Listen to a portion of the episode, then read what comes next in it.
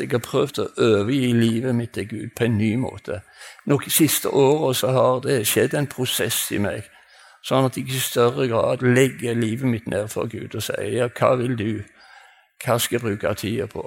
Eh, så videre. Men eh, eh, det spørsmålet gjelder oss jo alle eh, fortsatt. Og, og så handler det om nådegaver. Og nådegaver for disse tegna, det er jo nådegavene, det, i funksjon. Og, og det det handler om, det er jo at nådegavene er gitt ikke til meg og ikke til deg, men til forsamlingen. Ikke det stort. Og det gjør det lettere for oss, for dette, dette er noe vi er sammen om. Dette er noe vi skal demonstrere. Vi skal være Jesu kropp. Nå må jeg, nå må jeg bare bruke denne og så har jeg lista opp forskjellige ting som jeg helt sikkert ikke kommer til enden på, så jeg må sikkert sprette litt og hoppe litt. Men, og jeg vet ikke om rekkefølgen som jeg tar det ned gjennom, er den samme som står der. Men det er iallfall utgangspunktet vårt. Det er forsamlingen. Eh, og han sa til dem Gå ut i verden og forkynne evangeliet for alt som Gud har skapt. Dette er misjonsbefalinga etter Markus. Ikke Matteus 28, men Markus 16. Men den som, ikke, den som tror og blir døpt, skal bli frelst, men den som ikke tror, skal bli fordømt. Og disse tegnene skal følge de som tror. I mitt navn skal de drive ut vonde ånder, de skal tale nye tungemål, de skal ta ormer i hendene, og om de drikker dødelig gift, skal ikke skade dem. De skal legge hendene på syke så de blir friske. Og så står det i vers 20 responsen deres. Det var jo etter Jesus hadde foret opp. Det er jo vers 18 og 19. Nei, 19. Men de gikk ut og forkynte alle steder. Herren sjøl var hos dem og stadfeste ordet med de tegna som fulgte med. Legg merke til at jeg har streka unna at det er flertall. Det er ikke det er ikke den enkelte personen som gjør dette, men det er forsamlinga, det er menigheten, de truende, som i sammen setter disse ordene ut i livet. Eh, og så kommer jeg da, hopper jeg til første Korinterbrev, det er om nådegårdene. Nådegårdene er ulike, men anden er den samme. Tjenestene er ulike, men Herren er den samme. De kraftige virknadene er ulike. Men Gud er den samme, Han som er virksom og gir alt i alle. Hos hver enskild åpenbærer Anden seg slik at det tjener til det gode. For ved Anden blir det gjeve én å forkynne visdom, den andre å forkynne kunnskap ved den samme Anden, en for særskilt tru ved den samme Anden, en annen nådegåve til å leke ved den ene Anden, en for gåva å gjøre mektige gjerninger, en å tale profetisk, en annen å prøve ånder. En får gåve å tale i ulike tunger, en annen får tyding av tungene. Alt dette er et verk av den samme anden, som deler ut sine gaver til hver enskilt som han vil. Vi ser at de der driver ut vonde ånder, taler nye tungemål.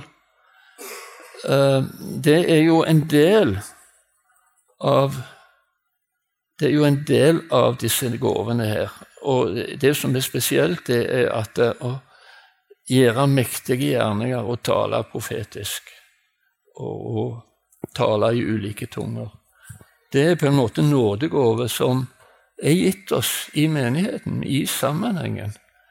Og det er ikke sånn at alle gjør det. Det sier Paulus i en annen henvisning, at alle skal ikke gjøre det. Men vi skal framelske en forsamling der disse gavene er i funksjon.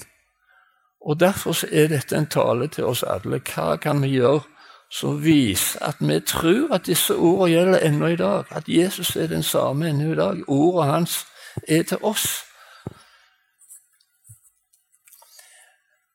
Der står det da, der har jeg brukt det som en undertittel, at det er for, gitt for å bygge forsamlinger. Jag etter kjærleiken, strev etter åndsgåvene og mest etter å tale profetisk. Når det er vers 12, når det er så ivrige etter åndsgåvene, så søk å bli rik på gåver som bygger opp forsamlinger. Og, eh, og, i, og, så har jeg føyd til Apostelens gjerninger 2,17. I de siste dagene skal det, sier Gud Skal det, sier Gud eh, Der har jeg skrevet noe feil. Skal det sjå, er det det står? At jeg auser ut min ande over alle mennesker. Sønnene og døtrene deres skal profetere. De unge skal se syn og de gamle skal drøy, drøyme drømmer. Ja, det har jeg følt, for jeg føler at jeg har bikka over der, så jeg går i den siste klassen der. Og jeg, de siste åra har det falt i sammen, sånn at jeg har drømt drømmer i mye større skala. Og det har satt meg inn i, i situasjoner der jeg virkelig føler at uh, tidlig på morgenen så vekker Gud meg og minner meg om ting. Og det syns jeg er en så stor gave. Det er en slags bekreftelse. For jeg har forsøkt å dele enkelte ting, og så har jeg et fora dere kan gjøre det, og det er på torsdagskveldene når vi har bønnemøter. For da har vi deling og bønn. Og det er en så fantastisk privilegium. Jeg, jeg føler at Gud har gitt oss de bønnemøtene både på torsdag formiddag og torsdag kveld som en arena der vi kan styrke hverandre i nådegårdene. Vi kan, vi kan, dele med hverandre. Og vi kan òg komme der med konkrete bønnebehov og bli bedt for, og bli salva og bli lagt hånd på. Det syns jeg er en, en, fantastisk styrke. Og jeg er så takknemlig for alle disse ungdommene som kan profetere, mens jeg kan få lov å dele mine drømmer. ja. Og så må jeg ta, dra en lite rekke. Altså, Jesus kaller til seg de tolv læresveinene sine og ga dem makt til å drive ut ureine ånder og til å leke all sykdom og plage. Jeg tror det er der mange forsamlinger i dag at de tenker at det, dette er noe Gud har gitt til de få, de tolv. Det var de som fikk de gåvene. Men det gjelder ikke oss i dag. Gå og forkynn, himmelriket er kommet nær, lek syke og vekk opp døde, gjør spedalske reine og driv ut vonde ånder. Gjev som gave det de fikk som gave. Altså, de har fått sånne nådegåver, og så skal de gi det videre. Og så vil det jo være trist hvis det tok slutten av apostlene, for da gjelder ikke de gavene lenger. Men vi ser jo det at det skjer blant kristne og blant truende. Og kanskje mye større grad i andre forsamlinger enn i vår. Og Derfor så har jeg begynt å tørste etter det, jeg begynt å hige etter det, at Gud skal være nær. Den hellige ånd skal gå inn over vår forsamling og, og, og legge på oss disse tingene og, og sette dem i funksjon blant oss. Sånn at vi òg kan forkynne, og ikke minst gå og forkynne. Han sier vi skal gå ut og forkynne. Vi skal ikke sitte her og bare forkynne for oss sjøl. For de vi forkynner for, de er ikke her, de er utafor så vi må gå ut og forkynne. Så vær da ikke urolige for hvordan det skal ordlegge dykk, eller hva det skal si. Det det skal si, skal det få i samme stund. For det er ikke det som taler, det er anden til far dere som taler gjennom dere. Det er en profeti som gjelder fra det øyeblikk du går ut. Fra det øyeblikk du bestemmer deg for å gå, så slår det inn, og da er det det samme som gjelder nå som da. At den den hellige ånd virker i oss. Det er ikke vi som taler, men den, med det anden til far deres som taler. Den hellige, hellige ande. Hver den som kjennes ved meg for mennesker, skal jeg òg kjennes ved for min far i himmelen. Det er litt sterkt, det er alvorstynga. At vi skal være vedkjennende. Vi må finne måter å bekjenne på. At vi tror på Gud. Vi må bryte den muren. Men mange tror at det gjelder å bare vise med gjerninger men vi skal òg forkynne med ord. Og da må vi bryte den barrieren og finne en måte å gjøre det på. Jeg husker den første husker det talen jeg holdt her i oktober i fjor. Så snakket jeg om tegn, bl.a. 17. mai-toget. Vi fikk det jo til i år. Fantastisk. Men jeg vil òg ha en lysreklame på taket her på bedehuset som sier 'Jesus, verdens lys'. Det hadde vært noe, det. Sånn at det første bildet hadde vist et, til sånn et evangelium, at Jesus er verdens lys. Himmelriket er kommet nær. Den som ikke tar krossen sin og følger etter meg, er ikke verd meg. Så det er et alvor over dette òg, at vi må gjøre et valg. Vi må velge å sette den ene foten framfor den andre. Uh, men så går det videre. Det er ikke bare de tolv. Nå er det snakk om 72. Siden tok Herren ut 72 andre og sendte dem ut før seg, to og to, til hver by og hver bygd som han sjøl skulle til. Uh, og han sa til dem, grøa er stor, men arbeidsfolka er få. Be da han som er herre over grøa, at han må sende ut arbeidsfolk til å høste inn grøa si. Gå av stad, og jeg sender dykk ut som lam mellom ulver. Ja, vi skal både be når vi sender ut, men vi skal òg være de som går ut. Disse her 72 de var valgt ut av, av Jesus. Det var de som var blitt disipler, de òg. Og de gikk ut. Og de, de, de måtte gå ut og, og, lære det at når de, når de sier Jesu navn, så vil det skje. Det er makt i Jesu navn. Når, ja. Når de kommer inn i en by og, imot, og de tar imot deg, så, så, er det de setter fram for deg, Lek deg syke der og si Guds rike er kommet nær til deg. Det er litt av en autoritet det der å gå i. Og kan vi våge det noen ganger? Så Peter flere ganger han sa ikke 'Jeg ber deg, Jesus, helbred'. 'Jeg ber deg, Gud, helbred denne syke'. Han sa 'Sykdommen forsvinn. Bli frisk'. Og det er noe som krever litt modning for å våge å si det. Og hvordan kan det skje?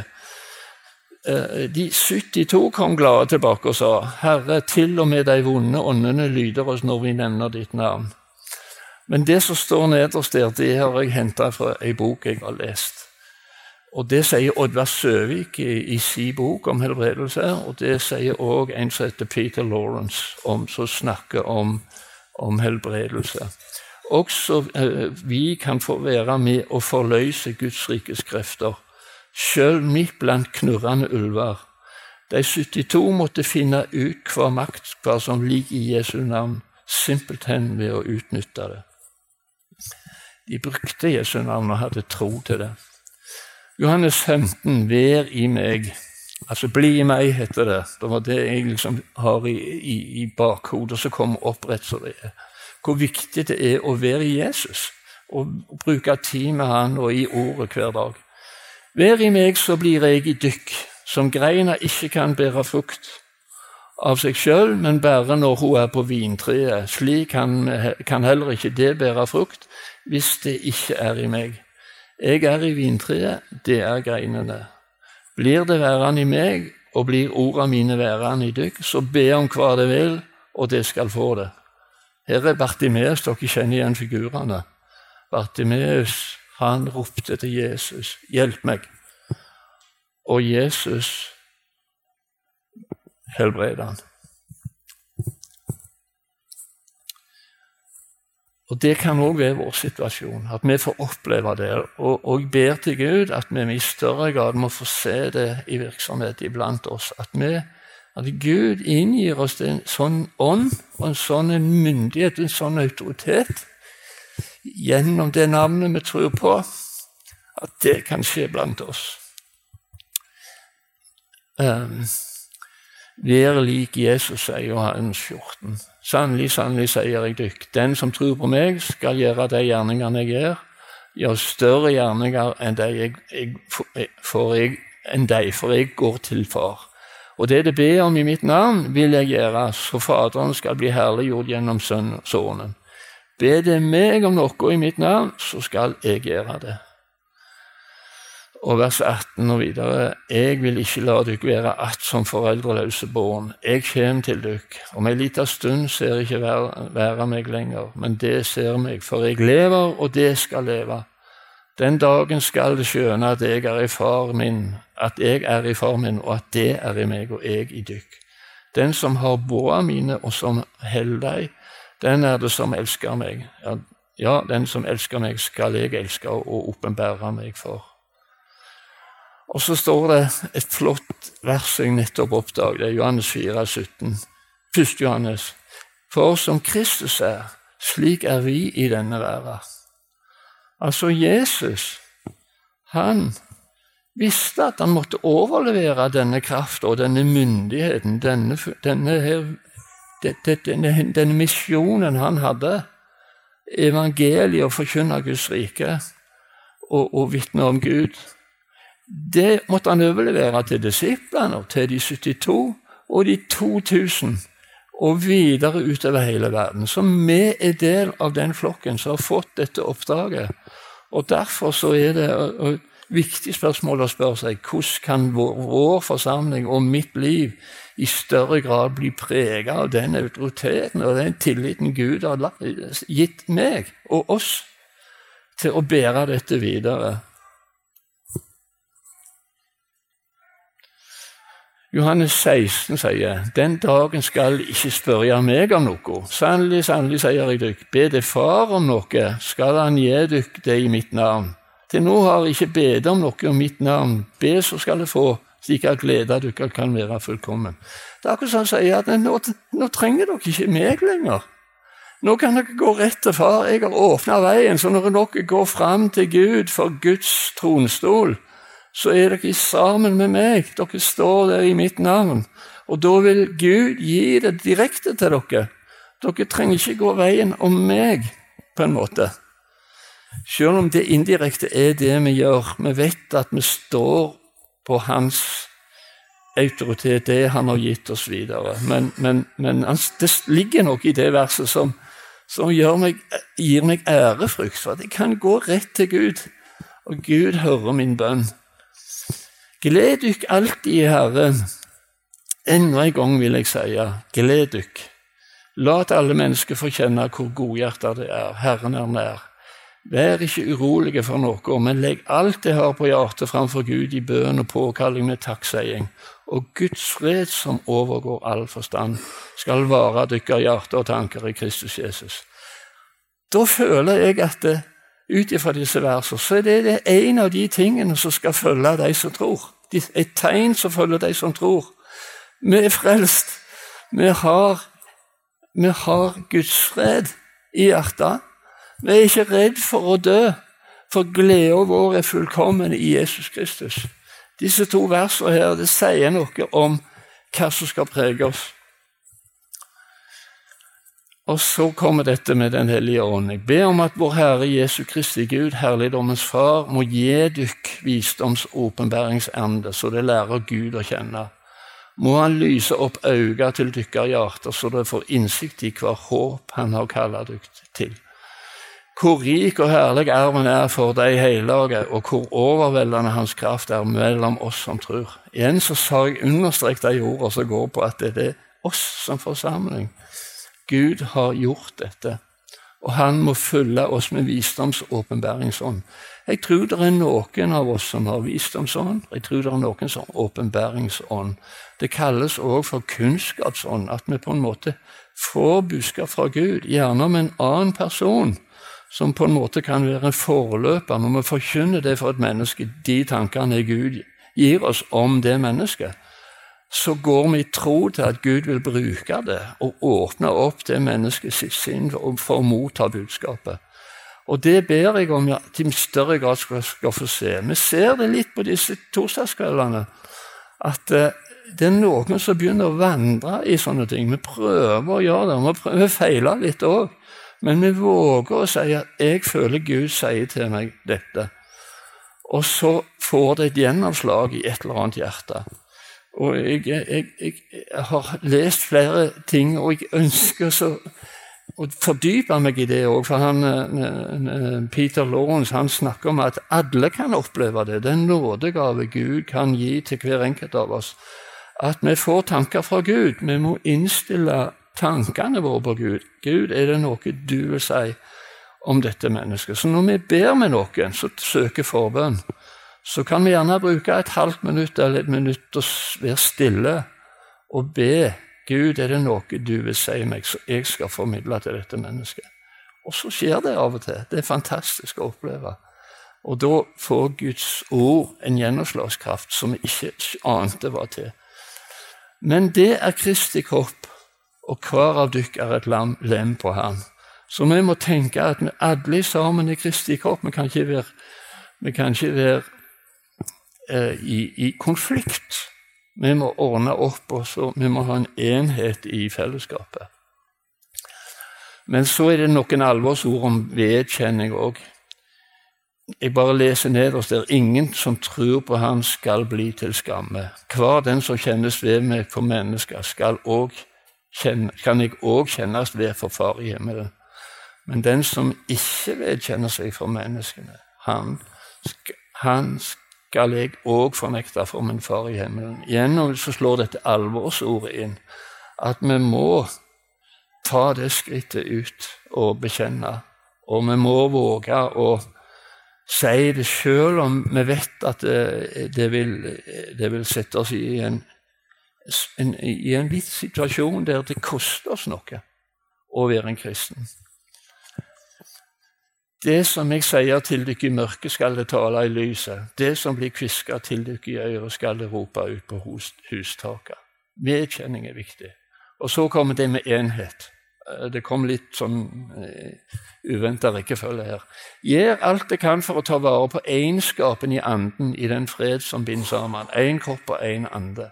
Liksom det fikk ei vond da det ble kalla én Herre, én tru, én dåp, én Gud og Far for alle. Og han som gav somme til apostler, somme til profeter, somme til evangelister, somme til hyrder og lærere. Slik skulle de hellige bli utrusta til tjeneste og Kristi kropp bygges opp, til vi alle når fram til egenskapen i trua på Guds ånd og i kjennskapen til Han, og blir det mogne mennesket som har nådd sin fulle vekst og har hele Kristi fylde. Jeg hopper over det siste. Det der til høyre der, det er en, en kaller det for en digresjon. For det er altså et mikroskopbilde av en fiber som heter laminin, og som hver enkelt av oss har minst to milliarder av. Og det er det som binder cellene sammen, sånn at det henger sammen, og at det ikke bare er en støvhaug, men at vi blir bundet sammen og fungerer som en kropp. Det er en kopi av det som, har, det som binder cellene sammen. Det kalles også for livets lim. Det sier, det sier en som heter Tveter om i, i en bok. Han, han snakker om, eh, om tros, eh, trosstøtte, kan man si. Og Det syns jeg var et lite apropos til at det, det som skal bindes i sammen, det er jo noe som skal bindes i sammen i, i Kristi kropp, i egenskapen i trua på Guds ånd. Og vi må håndtere det. Vi må ha den, vi må ha den tilliten, vi har den, eh, den enheten. og Vi må kunne velsigne hverandre, både innad og, og de andre forsamlingene som er på en måte en del av i Kristi kropp.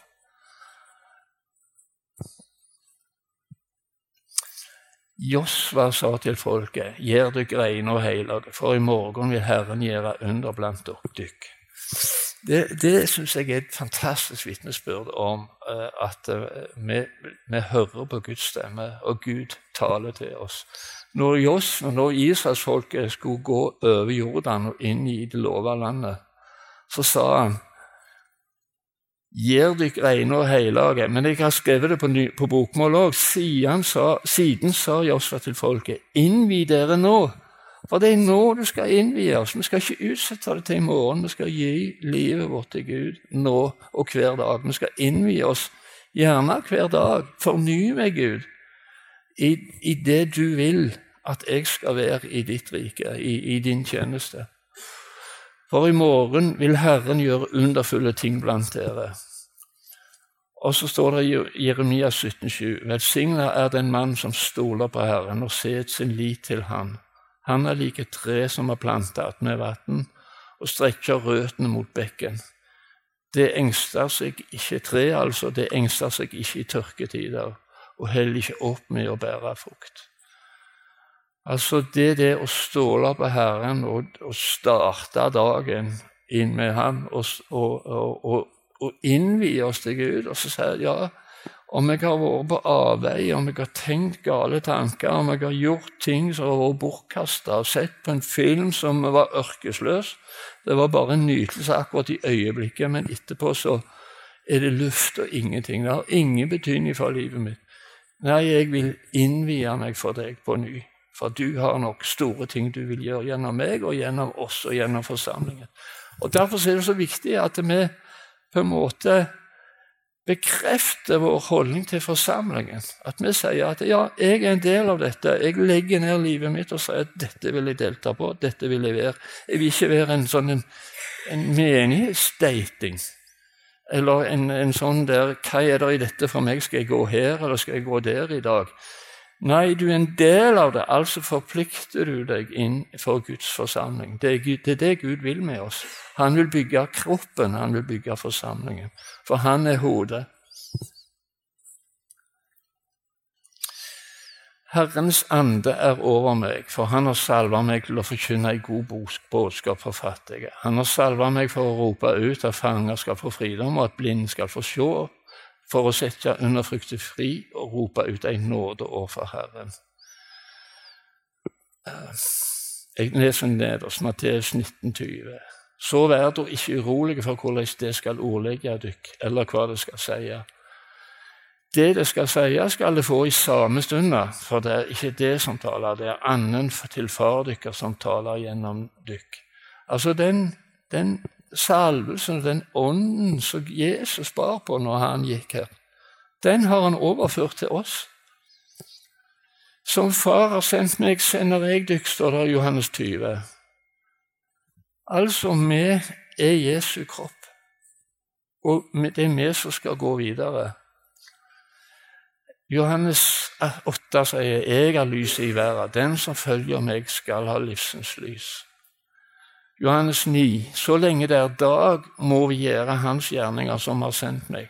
Det skjer meg i natt, og ingen kan arbeide. Så lenge jeg er i verden, er jeg lyset i verden. Og så sier han altså der sier han at så lenge, Først sier han 'jeg er lyset i verden'. Sant? Johannes 9.: Så lenge jeg er i verden, er jeg lyset i verden. Så i Matteus 5.: Det er lyset i verden. En by som ligger på et fjell, kan ikke gjemmes. Ingen tenner en oljelampe og setter den under et kar. Nei, en setter lampa på en halle, da, da lyser hun for alle i huset. Slik skal lyset deres lyse for folk, så de kan se de gode gjerningene deres og prise Far i himmelen. ikke det fint sånne tre trinn? Jeg er lys i verden. Så lenge jeg er i verden, så er jeg verdens lys. Det er lys i verden. Det viser at Jesus har lagt over på oss. Og så sier han i Lukas 22.: Og nå overlater jeg riket til dykk, slik som far min har overlatt det til meg. Sant? Vi er lyset i verden. Vi må, vi må holde det lyset opp og bekjenne det for verden. Og da kjenner vi og vet vi at vi, Jesus går med oss. Han er i oss, for vi er hans kropp. Og så er det det som liksom starta dette. var Jeg leste den boka av eh, Peter Lawrence og snakket om, om forskjellige strømninger og meninger omkring dette med under og, og verk.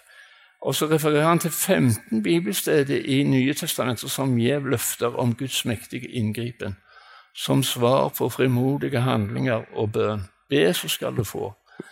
Altså 15 steder. Vi kan ikke se bort ifra dem. Vi kan ikke si at det gjaldt bare på Jesus' tid. Det gjaldt bare på disiplene tid, men det gjelder ikke nå lenger. Men vi ser jo at det skjer. Vi ser jo beretninger om hva som skjer i Afrika og Asia, der Guds rike går fram i stor skala. Så skjer dette. Og Da må vi stille spørsmål med oss sjøl hva er det ved vår situasjon som gjør at det ikke står i samme skala. Vi må, vi må elske det fram, og vi må, vi må, på en måte være i det og be Guds ånd arbeide med det. Og derfor, Det føler jeg at vår forsamling nå den er sånn en landingsplass for Den hellige ånd, så vi kan prøve ut disse tingene og se at det, større, det skjer i større skala. Hver av enkelt av oss kan vokse i de nådegavene vi har fått ifra Gud.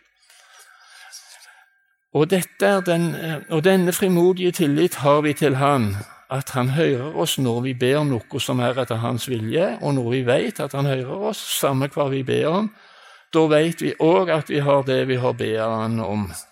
Og så siterer jeg om, fra Peter Lawrence. Vi trenger ei stadfesting, en respons fra Gud ved Anden. Ikke sånn at det alltid skjer når vi sier det, ber helbreda, eller vi ber om helbredelse. Så skjer det ikke alltid. Men han sier det, og spesielt fra det siste der, fra Johannes 5, 14, at vi ber om noe som er etter hans vilje. At vi får en bekreftelse fra Gud at det vi ber om, eller det vi skal be om, det er det Han som vil. Og da får vi plutselig autoritet til å be sykdommen å forsvinne. Vi skal ha tro på Gud, ikke på vår egen tro. Når Gud sier at han vil helbrede, og han erklærer det ved sin ande, kommer helbredingen når vi gir krav på han i Jesu navn, og fortsett med det inntil det skjer. Det sier også Oddvar Søvik i sin bok. Og det er en god undervisning. Det er noe vi må trenge å prøve å praktisere, og vi trenger å vokse i det. Og så er det sitater, da. Hvor lang eh, hvor skal si, eh, Fem minutter igjen? Ok, jeg skal prøve å være rask. Når Gud fyller oss med sin ånd, blir han Gud i oss. Gud i oss handler om det personlige livet. Gud med oss peker utover det personlige mot misjonsbefalingen og oppdraget Jesus har gitt oss. Det har en retning i seg, en bevegelse. Gå derfor ut, sier Jesus. Når vi tar Han på ordet Jeg må lese der. Når vi tar Han på ordet Hvor var jeg? Når vi tar Han på ordet, knytter skolissene og går ut, vil Jesus selv slå følge med oss. Han blir Immanuel, Gud med oss. ikke det fantastisk? Immanuel betyr Gud med oss. Så lenge vi nøyer oss med å prate om det vi har tenkt å gjøre, men ikke gjør det, vil ikke Guds kraft bli forløst. Det er først når vi begynner å, å gå, at kraften kommer. Har vi ikke ofte bedt om kraft? Men vi føler liksom ikke at det, det blir et gjennombrudd på det. Men der har jeg opplevd mer og mer at jeg må på en måte ta spranget. Jeg må bare gå. Jeg må reise meg og gå. Jeg må ta et initiativ. Besøke den personen som du blir minnet om, eller si noe til naboen når du har anledningen. Da kommer den krafta. Og det er så fantastisk opplevelse å erfare det. Det er bare i dag jeg kan følge Jesus. Det er bare i dag jeg kan la, la meg lede av Den hellige ånd. Bare i dag kan jeg tjene mine medmennesker og dele evangeliet. Når vi utsetter ting i det uendelige, risikerer vi å holde oss selv tilbake så lenge at viljen til slutt mister respekten for ordene våre. Dagen i dag er den eneste vi har. La oss begynne. Eh, Will Hart har jeg fått som en fan. En, en, som jeg eh, beundrer. Jeg har boka hans, og i bokhandelen i Sundbok er det flere eksemplarer av den. Det er så fantastisk å lese den boka, for det på en måte gir meg så gira. Eh, det var en som het, Brian, som ikke lenger klarte å forsone seg med en kristendomsform som fornekta Guds kraft er det noe som karakteriserer mange menigheter i Norge i dag. Eh, altså det, det, det, der slo meg litt. Altså det, det, husker jeg når jeg leste det. Glem ikke at Åndens gaver er tegn, ikke bare for de troende, men også for dem som ikke tror. Menigheten skal være en treningsarena, men høsten ligger utenfor kirkens fire vegger. Det er en treningsarena, men høsten ligger utafor. Det å vandre i Ånden er et personlig valg, og det handler i bunn og grunn om å holde seg nær til Herren. Det føler jeg er så bekreftet. Det er så mange ganger mellom oss òg. Vi hører vitnesbyrd, og vi hører innlegg som går på akkurat det. Jesus, bare Jesus. Det synger vi om òg må holde seg nær til Herren. Helt praktisk har jeg følgende råd å gi. Se etter behov, hold utkikk etter en person som trenger å bli elsket. Det er den enkelte Gud setter foran oss, som vi må søke. Jeg vil at folk skal forstå denne enkle sannheten. Du må ta det du får fra Gud, og gå. Han ønsker å bruke deg som han brukte de 72, og han vil overraske deg med hva han vil gjøre gjennom, gjennom, gjennom deg. Nå handler det om å få alle mann på dekk. Karismatiske menigheter må be de tradisjonelle kirkesamfunnene og folk i alle slags menigheter om å slutte å småkrangle, slik at de kan hjelpe til med å få fangsten inn. Altså Det sier noe om at vi er på samme kropp. Vi må oppmuntre hverandre, vi må velsigne hverandre. Og Jeg har blitt spurt om å holde tale på Frelsesarmeen noen, uker. Det var litt av en utfordring, men det skal jeg prøve. Det er ikke alle som er kalt til å gå ut i all verden, men alle er kalt til å gjøre noe. Altså Vi tenker på at ja, nei, vi er ikke alle i en situasjon der vi kan reise til Afrika og, og bruke året av vårt liv der. Men alle er kalt til å gjøre noe et eller annet sted. Hva har han kalt deg til? Hvor har han satt deg? Hvordan kan han bruke deg til å utbryte sin kjærlighet her og nå? La ham få gjøre det han ønsker med livet ditt. Å oh, ja, det ønsker jeg. Oh, jeg har ikke så lenge igjen, men, men enda det jeg har igjen, det vil jeg gi til Jesus. Hver gang jeg tar et skritt i tro, treffer jeg et valg om å sette den ene foten foran den andre og gå til handling. Å vandre i Ånden er et personlig valg. Og så vil de tegnene vise seg, på grunn av at vi går i tro. Vi må ta sjanser når vi følger Gud dit Han leder oss. Kom deg ut av komfortsonen din. Sånn som jeg i dag. Jeg føler meg som den knoppen der som stikker hodet litt for langt opp. Dersom vi holder oss for lenge tilbake, vil Gud sannsynlig finne en annen til å gjøre jobben vår. Men det var jo trist, for det, det, den erfaringen har jeg lyst på. Å se at Gud bruker meg. Og så sier han vil hardt en tankevekker til slutt. Det som virkelig går inn på meg, er å se at mennesker ikke bruker de gavene Gud har gitt dem. Altså, vi har nådegaver, men ikke alle er i funksjon. La oss bringe dem i funksjon. Og så kommer radikal lydighet av Platt. Det er en bok som jeg har lånt av, av han, og ikke gitt den tilbake engang. han gir et forslag, et eksperiment for, for å være radikal. Be for hele verden. Les gjennom hele Bibelen. Har du lest hele Bibelen? Har du bedt for andre land eller akkurat det nære? Ofre pengene dine til et konkret formål. Han sier ikke noe, han sier ofre pengene i bestemt form. Han sier ikke hvor mye. Bruke tid et annet sted i verden. Det er mange som har fått en stor velsignelse av å reise ut. Jeg ser noen av ungdommene gjør det. Helt fantastisk å se. Og hvor inspirerte de blir når de kommer tilbake fra ungdom i oppdrag eller et år på Hawaii eller noe sånt. Det, det er så oppmuntrende. Forplikter deg overfor et voksende fellesskap. Det er veldig viktig. At vi forplikter oss overfor hverandre. For det fellesskapet vi har valgt å være en del av. Uh, nå tror jeg jeg skal bare hoppe raskt Det er en som heter Mark Stibbe der. Siden vi er valgt ut av, av, han, og Jesus. Det er ikke, vi som har valgt, uh, valgt men det er vi som har valgt han, men det er han som har valgt oss. Jesus vil derfor at hans gjerninger skal fortsette i hans navn og gjennom oss, som er hans kropp i dag. Det, eh, det er så massivt belegg i ordet. Det er ikke spesielt karismatisk. Det er selve grunnopplaget. Grunnoppdraget, sier Markstubbe. Engelsk eh, prest. Uh, jeg jeg, og det var en annen liste som ville ha seg. Ha et levende andagsliv. Snakk med Den hellige ande. Les bøker.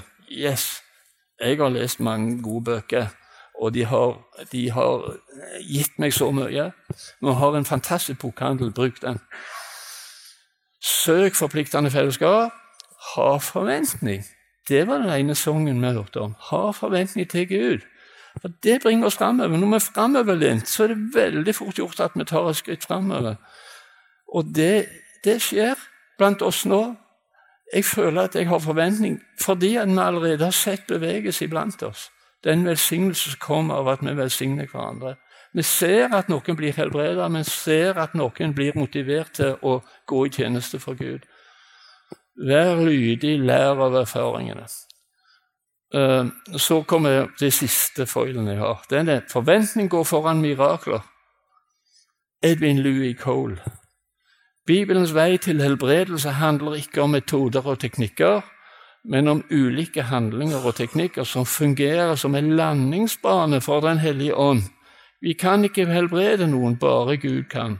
Altså, Vi kan bruke håndspåleggelse, vi kan bruke salving, salving. vi kan bruke eh, tid og, å be om, eh, om, kunnskap. Vi kan bruke tungetale og tungetale-tyding. Det kan vi bruke, og så er det en landingsbane for Den hellige ånd. Og så kan Gud helbrede. Gud kan gjøre de under og som skal følge. Noen lurer på hvorfor de har ikke har tro på helbredelse. De gir kroppen tre varme måltider om dagen og sin ånd en kald kjeks i uka. Det er en som heter eh, Bosworth. Jeg har aldri lest noe av han, jeg har lest om han. Tro er å ta Gud på alvor. Derek Prince. Ja, det er å tro. Det er jo å si at ja, det du sier, Gud, det tror jeg på. Det, det kan jeg handle på. Det, det er sannhet. Gud trenger ikke hjelpe oss med å ikke gjøre ting. Gå ut og gjør noe for Jesus, og Gud vil hjelpe deg. Reinhard Bunke, fantastisk forkynner. Så mange filmer av han og preiker på YouTube. Som, så, så det er så styrkende å se. Og så den siste, da, den, han er ikke fullt så berømt. Det er litt feil å si det, jeg kaller det for et sitat, da, fordi at, eh, det har ikke sagt det før. Men jeg sier det nå. Den menneskelige hjernen blir sagt å være utnytta kun 2-4% Helt fantastisk. Så mange ledige hjerneceller var de tenkt av Gud eh, at vi skulle bruke dem til noe. Det sies jo i hvert fall at jo mer vi lærer, jo mer vi pugger, jo mer oppøver vi evnen til å ta større deler av hjernen i bruk og pugge enda mer, sånn at det blir en del av oss. Og for å bli For at ting skal sitte i ryggmargen, så må du pugge det, du må lære det 220 ganger. Da er det oppretta et spor til ryggmargen, sånn at når du blir med i demenskoret, så husker du sangene fordi at du har pugga dem mer enn 220 ganger. Ja. For selv om hjernen er død ellers, så sitter det i ryggmargen. Og sånn er det med Guds ånd. Den vil sitte i ryggmargen vår. Kan det være et lignende forhold mellom det vi tar ut fra Guds konto, og det vi har til rådvelde? Det er mitt, uh, mitt spørsmål. Ja. Jeg tror faktisk det at Gud har mer å gi. Det er en bok som heter det òg. Gud har mer å gi. Og Den er til og med utgitt på Lunde forlag, så det er sikkert helt sant. det var det jeg ville si kom jeg sånn noenlunde i land denne gangen.